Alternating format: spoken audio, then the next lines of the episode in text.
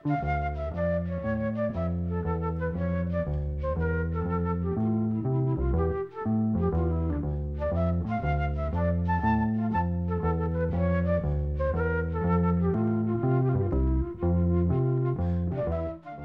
sæl. Atlanta Rhythm Section er Suðuríkja sveit sem var stopnuð eftir að þrýr fyrir meðlimir Candyman og tveir félagar hljómsættarina Classic 4 voru fastránir hjá nýju hljóðveri Studio One sem tók til starfa í Doraville smábæ skamt frá Atlanta í Georgiufylki árið 1970. Þeir hefðu spilað með Rói Orbison um tíma og áttu að vera húsljónsveit hljóðvesins. Buddy Bowie sem var einn fjórminningarna sem að stopnuði stúdíu 1 ákvaða að nýta dauða tíman í hljóðverinu til að taka upp frumsamta tónlist með þessari hljómsveit og hann kallaði hópin Atlanta Rhythm Section skamstafað ARS Forraðamenn hjá MCA dekka útgáfinni heyrðu nokkur lög sem þeir hafðu tekið upp og bauða samning. Rodney Justo söng með þeim á fyrstu blutinni þar sem þeir prófuðu ímsa stíltegundir og svona hljóma lægið All in Your Mind.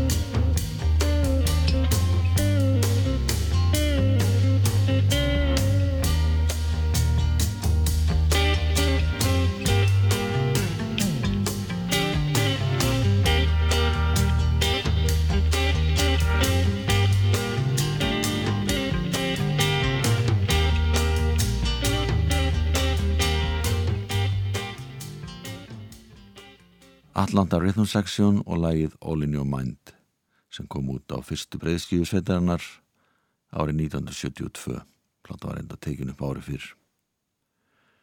Og þetta verkefni fekk fína dóma platan seldist reynda lítið. Söngvari Rodney Just og hætti og flutti til New York þar sem hann starfaði næstu árin. Sá sem tók við á honum var hljóðmaðurinn Ronnie Hammond sem söng með þeim til ásins 2002 en hann lest árið 2011. Andi Andersson lest hann af nokkur sinnum og tók við að Hammond árið 2002. Rodney Djöstó gekk síðan aftur til íðs í sína gömlu félaga árið 2011. En höldum okkur við árið 1973. Samningurinn við MCA dekkar hann út þannig að þessir félagar gerur samningu pólitur útgáfana. Þetta var eftir að Rodney Djöstó flutti til New York og strákarnir sendi sínum gamla félaga hverju í læginu Doraville þar sem þeir segjast ætla að sleppa því að flytja til New York.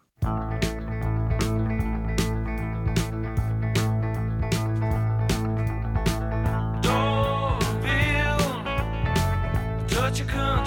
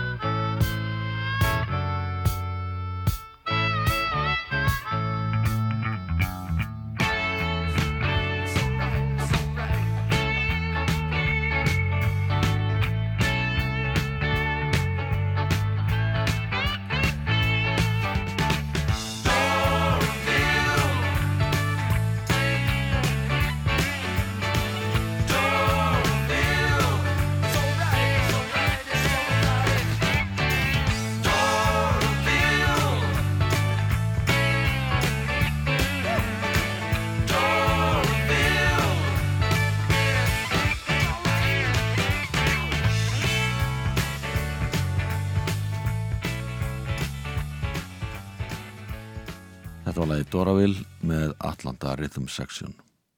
Plutusalan var ekkert sérstök fyrstu árin en sveitinni gekk mun betur á tónleikum. Þeir kölluðu tónlið sinna Boogie Smoogie en voru jafnan taldir í hópi helstu Suðuríkja roksveita. Það er gertan talað um að hljómsveitin Classic 4 sem var forveri ARS hafi fest Suðuríkja rock í sessi á sínu tíma. Hljómbóstekarinn Dean Daughtry og gítarlekarinn James B. Cobb spilu á sínum tíma í Classic 4 á Sant Buddy Bowie. Hinnir stopnendur Atlanta Rhythm Section voru trómarinn Robert Nix, bassalegarinn Paul Goddard og gítalegarinn Barry Bailey. Allir er þeir fallni frá nema Dean Dodry sem heldur ennum stjórnatuma. Atlanta Rhythm Section hafði sendt frá sér fimm breyðskífur á jafnmörgum árum þeir hittu loksins í mark með læginu So Into You, það var árið 1977.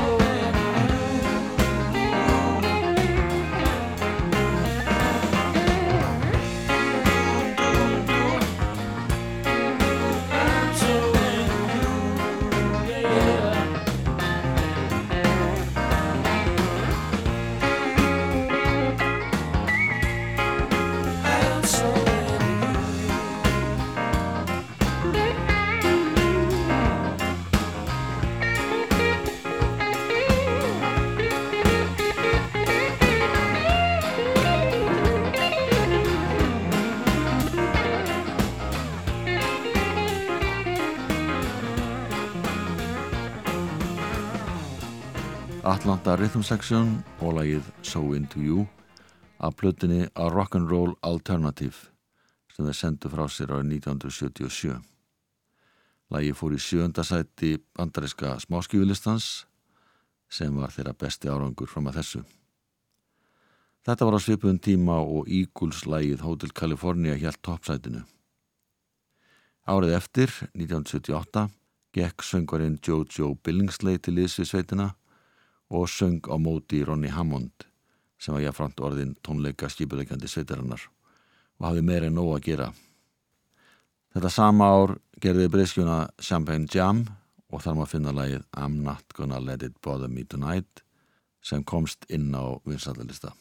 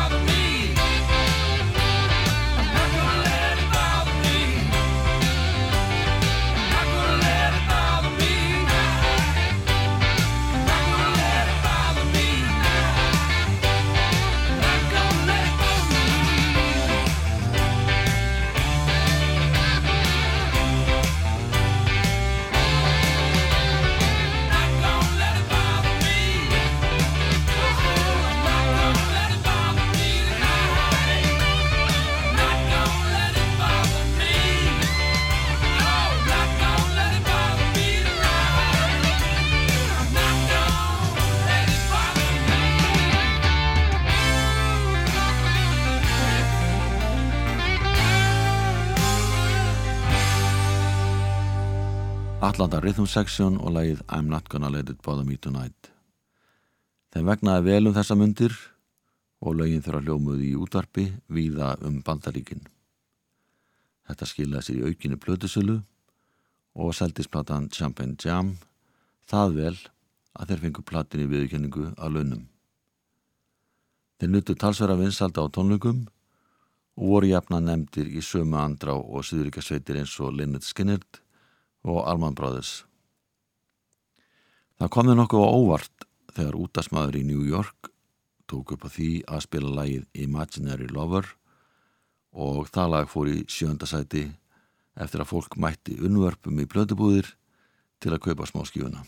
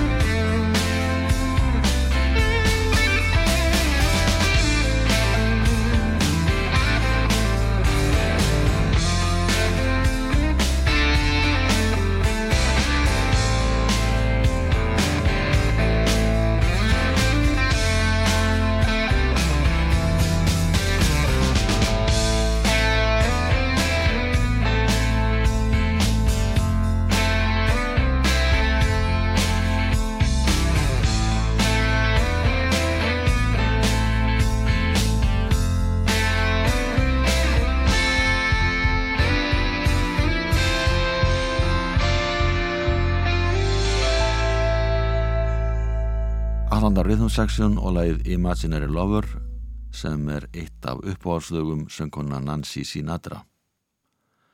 Þeim var bóðið að halda tónleika á lóð kvítahúsins þegar sonu Jimmy Carter Fossetta átti ammali. Strax eftir það hófiður vinnu við næstu plötu og voru í miðjum klíðum þegar trommarinn Robert Nix sem var aðal textasmiðu sveitarinnar var rekinn.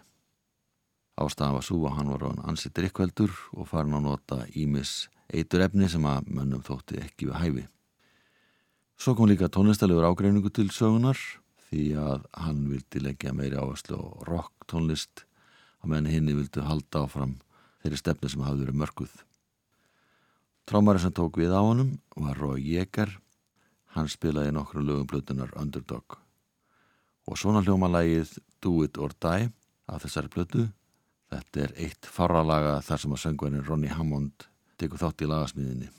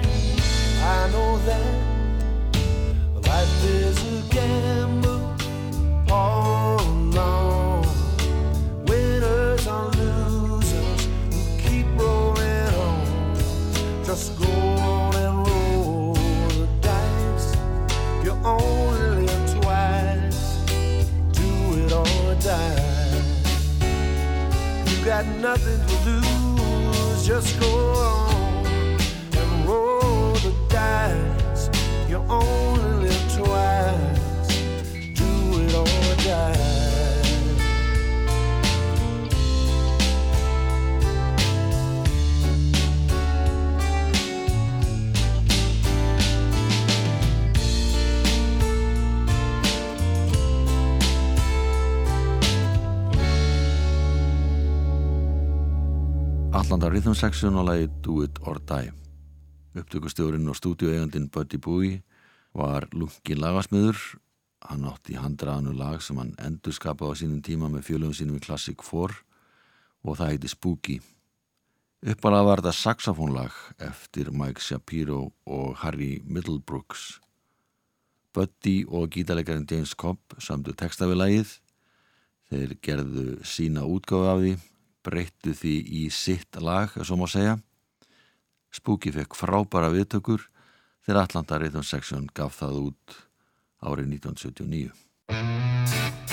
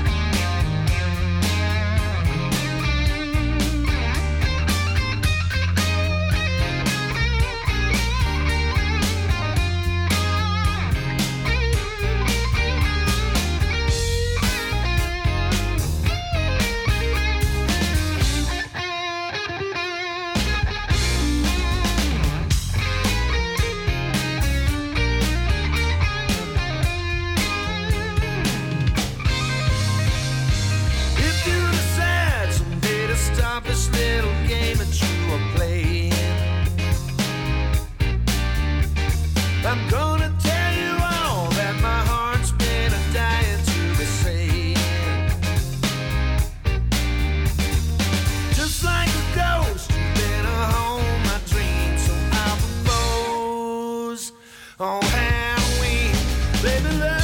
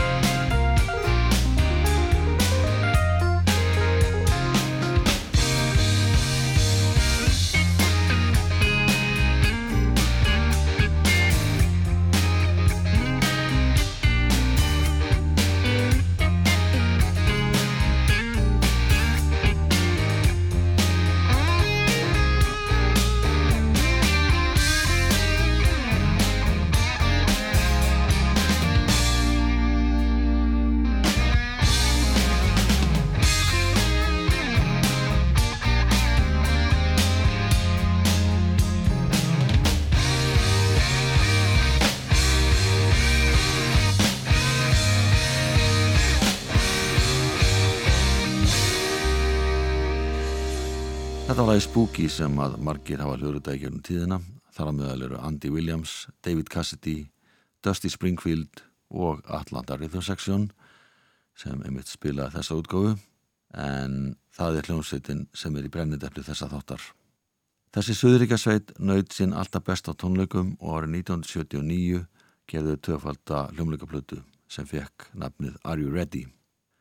Platan var gefin út í oktober og það sannaðist á þessari plötu hversu góði hljófarleikara þessir félagar voru og við ætlum að heyra einna lagi Champagne Jam það sem öll helstu enginni Suðuríkaroksins koma greinilega fram. This is dedicated to y'all.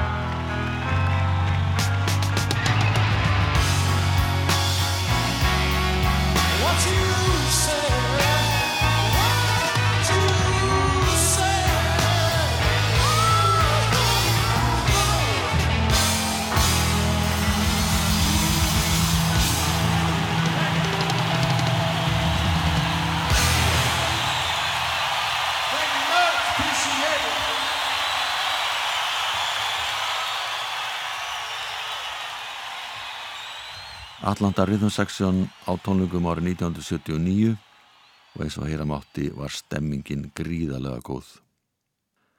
Þessir ágætu félagar fór í hljómleikaferð til Japan með hljómsettinni Cheap Trick í ágúst 1980 og þar var þeim tekið með kostum og kynni. Þeir gerðu eina breyðskifi viðbútt fyrir póluturútgáfuna en söðluðu síðan um og fengu samningi á Columbia. Þar var þeim tekið vel í fyrstu en fljóðlega komi ljós að stjórnundu Columbíu vildu láta sína upptökustjóra haldum stjórnantöma það fór fyrir brjóstið á meðlumum ARS upptökustjóru Columbíu fóru fram á það að sveitin hallaði sér að nýbylgutónlist notaði hljóðgerðla í stað ramaspíanós og sikva fleira. Aðalagasmiðurinn Buddy Bui hann hætti tók með þessi söngvara Ronnie Hammond þeir stopnuðu nýja hljómsveit og eftir þetta helt áfram að kvarnastur hópnum Þeir sem eftir voru í ARS prófið marga söngvara og það var ekki fyrir nárið 1989 þegar Ronny Hammond gekk aftur í sveitina og nokkur setna kom síðan Buddy Bui til Ísuð á og gamli söngvarin Rodney Justo. Við ljúkum þættunum á læginu When. Takk fyrir, við þið sæl. They say love is the answer. I say, what is the question? They say, what's gonna matter when time grows you old? I say, I never asked that question, but I think you ought to know. I got friends I can count on. I got money in my pocket. There are promises I've broken promises I've kept. But I swear I never meant it when I say I don't need nobody else. Oh no. I thought winning was the answer. Love was out of the question. My heart's a loser I know love is the answer. The question is when. When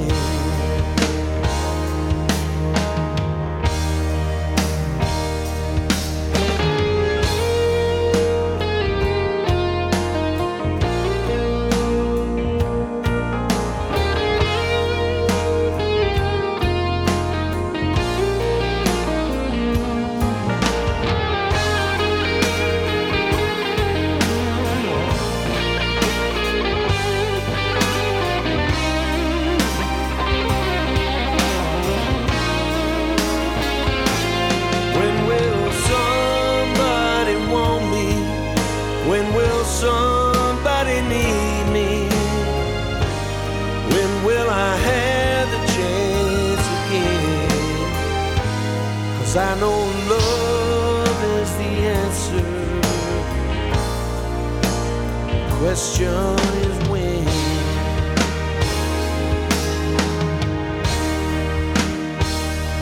Yes, I know love is the answer. The question is when.